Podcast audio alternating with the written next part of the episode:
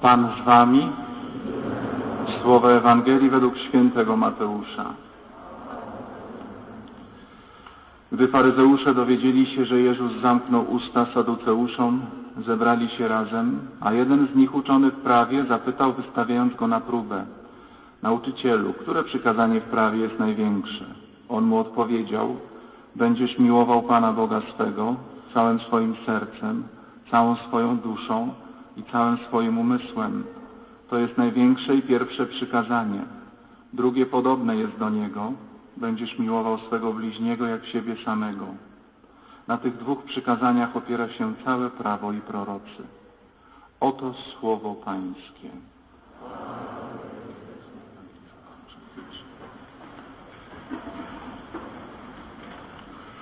Kochani, szukamy, szukamy życia, żeby przestać wegetować. Szukamy swojego serca, które często w gąszczu, gdzieś na granicy świadomości i podświadomości jest skopane przez diabła.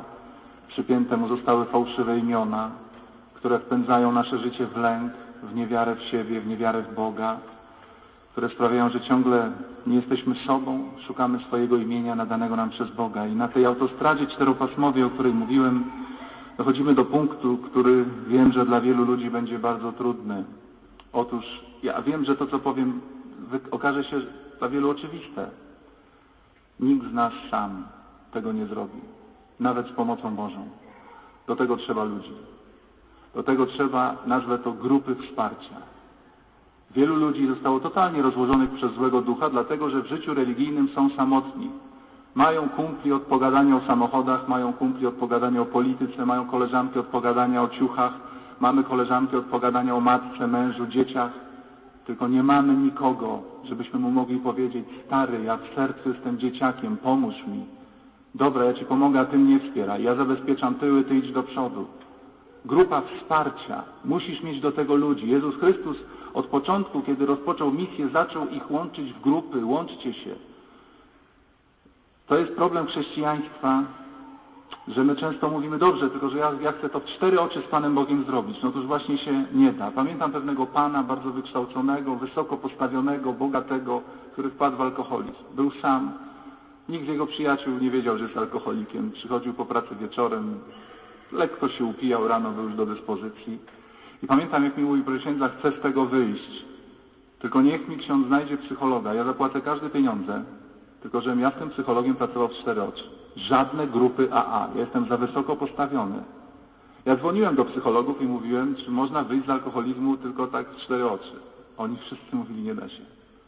Musi być grupa większa, musi być otwarcie serca, musi być taka mała społeczność, w której oni się spotykają, wspierają. I ten pan mówił, proszę księdza, nie da rady. Ja nikomu publicznie nie powiem, że jestem alkoholikiem. Ja to mogę powiedzieć księdzu i psychologowi. Ja zapłacę każde pieniądze za terapię, ale w cztery oczy.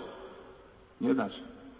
Chrześcijaństwa się nie da w cztery oczy. Dlaczego my się boimy? Boimy się, że trzeba się będzie przed ludźmi otworzyć. Oczywiście, proszę mnie dobrze zrozumieć, ja jestem bardzo ostrożny w radzeniu ludziom, żeby się otwierali przed innymi. To trzeba robić bardzo rozsądnie, żebyśmy się nie otwierali przed byle kim, ale potrzeba tego otwarcia, dać się poznać. No jeśli drugi ma mnie wspierać, to musi wiedzieć, w czym on mnie wspiera. Poza tym muszę wyjść z egoizmu. Grupa wsparcia, wiecie, ja spotykałem takie grupy ludzi na zasadzie przyjacielskiej, towarzyskiej, gdzie mówią, nasz kumpel walczy w tej chwili tam jakąś sprawą, my go wszyscy wspieramy. I modlitwą, i obecnością, i telefonami, jesteśmy z nim. On kiedyś mnie wyciągał z dołka, teraz ja go wyciągam. To jest grupa wsparcia. Tak mi bardzo zależy, żeby moja koleżanka nie poszła na dno z szatanem. Natomiast dla wielu ludzi, którzy uwielbiają roztrząsanie swoich problemów, ich po prostu inni nie interesują. Oni uwielbiają z księdzem gadać o swoich słabościach. Mogą godzinami gadać o swoich słabościach. Ale na hasło, że zainteresuj się, bo twój przyjaciel, bo twój krewny, bo twój brat cioteczny leci na dno. A to ja, to ja mam nie rozmawiać o tych swoich problemach, tylko nim się zająć. No właśnie. Grupa wsparcia, jeszcze raz powtarzam, my nie wierzymy w to, że też często, że możemy komuś pomóc. No właśnie paradoksalnie, proszę Państwa, przez to, że zaczniemy komuś pomagać, dopiero w to uwierzymy. To też w tym problemie małżeńskim, że często kobiety mówią, mój mąż jest nieodpowiedzialny. A jaką mu Pani daje odpowiedzialność w małżeństwie? No właśnie nie mogę mu dać żadnej odpowiedzialności, bo on jest nieodpowiedzialny. To jaką mu Pani daje odpowiedzialność, żeby był on odpowiedzialny? Ksiądz mnie nie rozumie, ponieważ on jest nieodpowiedzialny, to ja mu nie mogę dać żadnej odpowiedzialności. I tak w kółko. Nie uwierzysz w siebie, dopóki nie stoczysz bitwy o kogoś ze swojej grupy wsparcia. Masowość, proszę Państwa, jest wielkim problemem Kościoła. Tak bardzo uderzyły mnie słowa. Jeden z historyków podał, to jest oczywiście jakaś legenda, że ponoć kiedy w IV wieku Kościół, edykt y, tolerancyjny został wydany, Kościół stał się religią państwową, z nieba jakoby miał się rozlec głos. Oto teraz w organizm Kościoła wlała się trucizna. Jest to bardzo, proszę Państwa, piękne, że Was jest tak dużo w świątyni. Ale wiem, ile tu jest ludzi potwornie samotnych. Nie jesteśmy wspólnotą. Grupa wsparcia nie może liczyć więcej niż 10, 15, 20 osób. Potem się to już robi organizacja, a nie grupa wsparcia. Jesteśmy bardzo, bardzo samotni. I to jest paradoks, że w katolickiej Polsce jest tak trudno zmontować taką grupę wsparcia. Ja chcę tutaj podzielić takie grupy na dwie dwa rodzaje. Pierwsze są to te wszystkie grupy i ruchy, które Państwo znacie, których jest w Polsce dużo, są te większe, znane, oaza odnowa w Duchu Świętym, rodzina rodzin, przymierze rodzin, neokatechumenat. Wszystkie one są zatwierdzone przez Kościół i wszystkie są dobre. I proszę pamiętać, że kiedy serce zaatakowane przez złego ducha stanie się w perspektywie wejścia w taką grupę, znajdzie sto rozsądnych argumentów, żeby w tą grupę nie wchodzić. Proszę księdza, co mnie ksiądz namawia na tą grupę? Mój kumpel tam należy, przecież to jest nienormalny człowiek. Proszę księdza, byłem kiedyś na spotkaniu tej grupy, to są psychiczni ludzie, no co ksiądz mi opowiada? Proszę księdza, ja się tam fatalnie czułem. Proszę księdza, wie ksiądz, byłem kiedyś w tej grupie, jacy oni są pokłóceni, o Chryste Panie, co mnie ksiądz namawia na taką skłócone towarzystwo? Otóż chcę Państwu odpowiedzieć. We wszystkich grupach katolickich, nie tylko laikatu, we wszystkich zakonach i seminariach są kłótnie, spory, na plebaniach są kłótnie, jest jeden sposób, żeby rozwiązać w 100% problem kłótni we wspólnotach religijnych. Rozwiązać te wszystkie wspólnoty. Zakony zlikwidować, to się zakonnice przestaną kłócić. Księży zlikwidować, to się przestaniemy kłócić. Wszędzie. Bo szatan marzy o jednym. Żeby skłócić chrześcijan i rozbić grupę. Proszę Państwa, jeśli będzie taka grupa, że wszyscy się będą lubili, wszyscy będą mili, to ta grupa jest dla szatana niegroźna. To jest komandosi z papierowymi karabinami. Natomiast grupa groźna dla złego ducha, natychmiast wejdzie jakiś człowiek, który zacznie mącić. Natychmiast zaczną się układy. I to jest. Dlatego my katolicy jesteśmy tak skłóceni często. Jeździłem po środowiskach polonijnych trochę w Europie, no było to przerażające. Ci Polacy w wielu krajach Europy, przy kościele polonijnym i od razu cztery frakcje. Frakcja pani Marty, frakcja pana Janka, frakcja księdza obecnego, frakcja księdza poprzedniego. Ale na litość boską, tylko w grupie na szczęście tych grup jest mnóstwo. Dostaniesz zwycięstwo. Chociaż ja wiem, że nie każda grupa dla każdego człowieka się yy, nadaje. Ale teraz chcę powiedzieć jeszcze jeden problem. Szatan, kiedy nie może pokonać człowieka, stosuje wariant, nie może pokonać go wprost, przez grzech, przez pokusy, stosuje wariant B. A jaki to jest wariant B? Jeśli nie możesz kogoś pokonać, przyłącz się do niego. Szatan niektórych ludzi rozbija nie przez seks, pieniądze, alkohol, narkotyki, tylko rozbija ich przez pobożność. Jest wielu ludzi, którzy mają pobożność rozwiniętą niesamowicie. No oni po prostu w kościele są w tygodniu 17 razy. Książek religijnych mają na półkach mnóstwo. Cały czas szermują sloganami religijnymi, a są kompletnie rozłożeni duchowo i o tym nie wiedzą. Proszę, dlatego ja mówiłem już o tym przed tygodniem czy moja przynależność do grupy religijnej jest dobra, nie czy grupa jest dobra. Powtarzam, proszę Państwa, wszystkie grupy zatwierdzone przez Kościół jako takie są dobre, chociaż w niejednej może być gorsząca sytuacja, ja się zgadzam. W wielu parafiach są różne gorszące sytuacje. Grupy są dobre, tylko czy Twoja przynależność do grupy jest dobra, to się pozna po owocach. Grupa religijna może się stać norą, piwnicą, w której uciekniesz od życia, w której uciekniesz od życia. Grupa religijna może stać się matrixem. Chodzisz, modlisz się przy tam śpiewy, nieśpiewy, nabożeństwa, czuwania i się totalnie zamykasz. Dobra grupa religijna to jest taka, która podaje te kryteria, która cię czyni coraz bardziej odważnym. Dobra grupa religijna to jest taka, że po roku, po dwóch przynależności do niej jesteś odważniejszym w rozmowie z matką, z ojcem, z mężem, potrafisz zwrócić uwagę koledze, koleżance z miłości, patrząc prosto w oczy. Przestajesz się bać i lękać, stajesz się otwarty. Natomiast jeśli ktoś przez obecność w grupie religijnej dziwaczeje, nikt się z nim nie może dogadać. Boi się zapytać, boję się życia, w ogóle nic mi nie wyjdzie, grzesznik jestem wielki, to na litość boską, nie po to. Grupy są po to, żeby z nich wychodzić w świat, iść głosić Chrystusa, często nie używając słowa Jezus, Jezus Chrystus. Powtarzam raz jeszcze, musimy się przez to kryterium yy, przyglądać. Jak zyskujesz swoją tożsamość w grupie religijnej, stajesz się coraz bardziej czysty, stajesz się coraz bardziej pewny siebie, stajesz się to, co mówiłem, mocny, byle cię kto nie załatwi. Ale nie mocny w krzyku, czy w cynizmie, czy w swoim milczeniu, którym wykańczasz rodzinę. Staniesz się mocny w słowach. Pamiętajcie, podziwiali Jezusa Chrystusa za to, żeby, że nauczał z mocą. Czy Twoje słowo ma moc? Czy Ty czujesz swoją moc? Czy po pięciu latach w grupie religijnej zaczynasz spowiedź? Jestem zerem, jestem do niczego, w ogóle nic mi nie wychodzi, pewnie się w życiu wykopyrknę. No na litość boską. Powtarzam, chrześcijanin to jest człowiek mężny, otwarty, czysty. Tak mi się podobało w rozmowie Maksymiliana Kolbe z tym SS-manem. Jak Maksymilian Kolbe wyszedł z szeregu, żeby oddać życie za współtowarzysza. Ten Niemiec zbaraniał, mówi, kto ty jesteś? Jestem księdzem katolickim.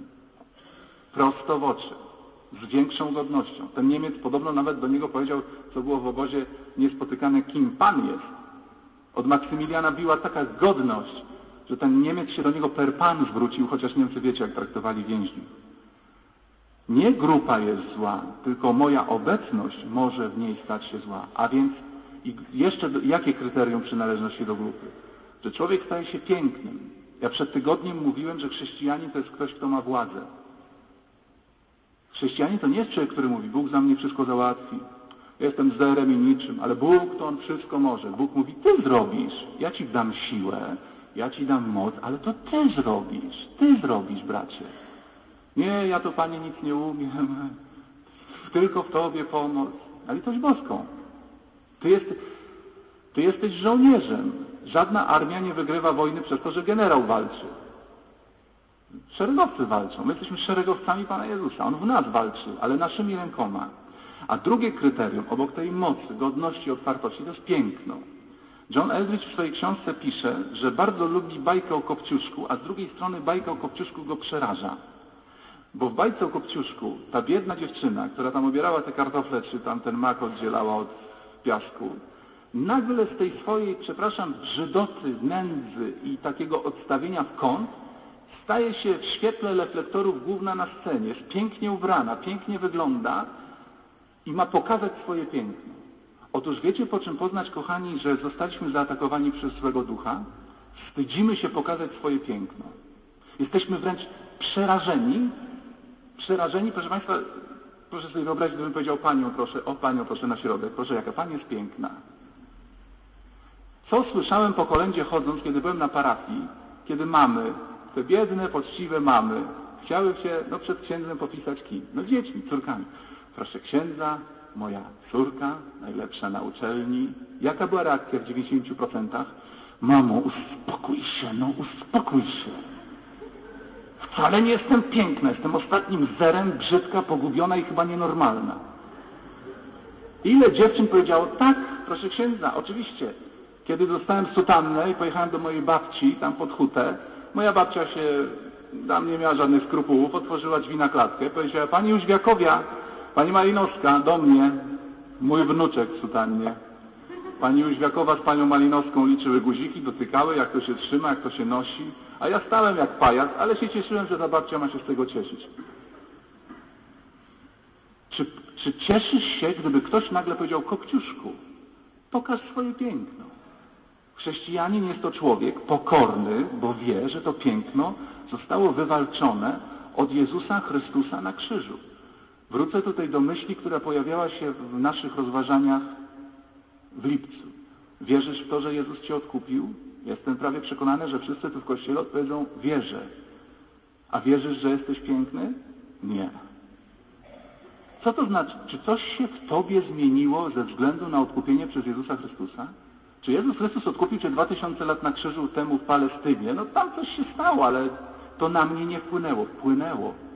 W Twoim wnętrzu przez chrzest zostało zanurzone niesamowite piękno. Od razu być może szatan wylał na to wiadro pomyj, ale perła jest. Ale diament jest. Jesteś piękny.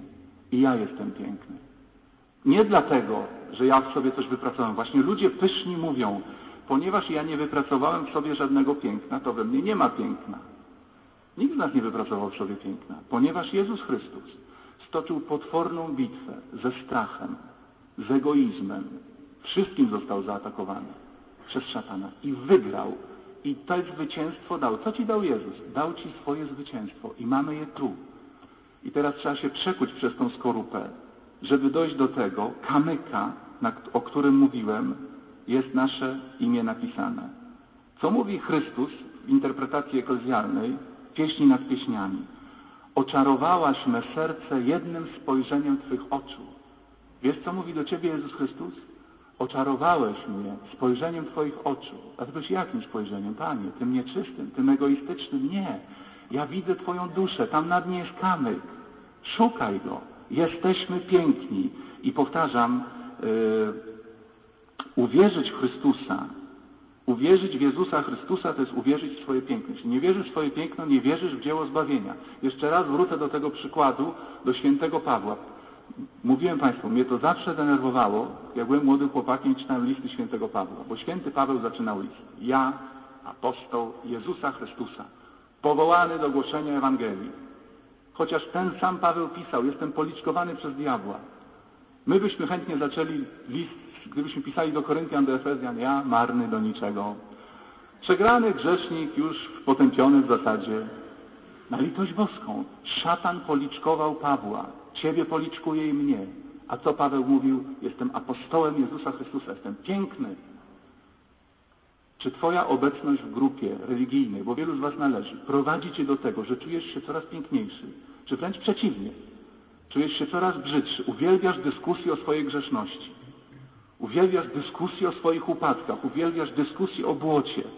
Kochani, yy, święty Piotr, który zdradził Jezusa Chrystusa, kilkadziesiąt dni potem staje i przemawia w Jego imieniu i trzy tysiące ludzi się nawraca. Piotrze, skąd Ty wziąłeś to piękło? Otóż uwierzyłem w dzieło zbawienia Jezusa Chrystusa. Szatan chce, żebyśmy zeszli do piwnicy i siedzieli wśród słoików z ogórkami i ze śliwkami przy zgaszonym świetle. I, I z tego mamy wyjść. A że przyjdzie, pamiętasz, co zrobiłeś? Tak, zrobiłem, ale Chrystus mnie obmył krwią. Byłem u spowiedzi, Jezus Chrystus mi, mi to wybaczył. Pamiętajmy o tym, o tym kryterium. Jeszcze jedną króciutką rzecz powiem. Drugi model grupy, proszę Państwa, to jest model grupy przyjacielskiej. Nie takiej kościelnej z księdzem, ale już nie chcę przedłużać, powiem o tym za tydzień. Są ludzie, dzięki internetowi możemy wejść na stronę www.brewiarz.pl, ściągnąć sobie nieszpory, nawet w dwóch egzemplarzach, przed żoną, mężem położyć, odmówmy wieczorem, pomódlmy się, grupa wsparcia. Grupa wsparcia, kiedy byłem w Rzymie, jeden z księży Polaków, chodźcie do mnie, mówi, zapraszam was na pizzę, ale pierw między talerzami i szklankami odmówiliśmy godzinę brewiarzową. Dla nas księży odmawianie wspólne brewiarza nie jest nowością, ale tak niesamowicie ten brewiarz przeżyłem. Koledzy się spotkali, spotkaliśmy się właśnie na pizzy, na, na, na pogadaniu, na śmiechach, ale zaczęliśmy od, od, od nieszporów. Czy ktoś z Państwa broni ściągnąć z internetu nieszpory jucznie rano i odmówić wspólnie z mężem i z żoną piękne psalmy, w których jest bitwa o nasze piękno? Nikt Wam nie przeszkadza. Wrócę do myśli początkowej. Pamiętaj, nie łudź się. Bez grupy wsparcia nie dasz rady. Jeśli będziesz sam, szatan Cię rozwali. Jezus łączył nas w organizmy i to, co było dzisiaj w Ewangelii. Miłować Boga i bliźniego. Chrześcijaństwo jest w strukturze krzyża. Niektórzy chcą tylko belkę pionową budować. Bez belki poziomej się nie da. Dlatego szukajmy tych, którzy będą nas wspierać na drodze do odzyskiwania imienia. Powstańmy.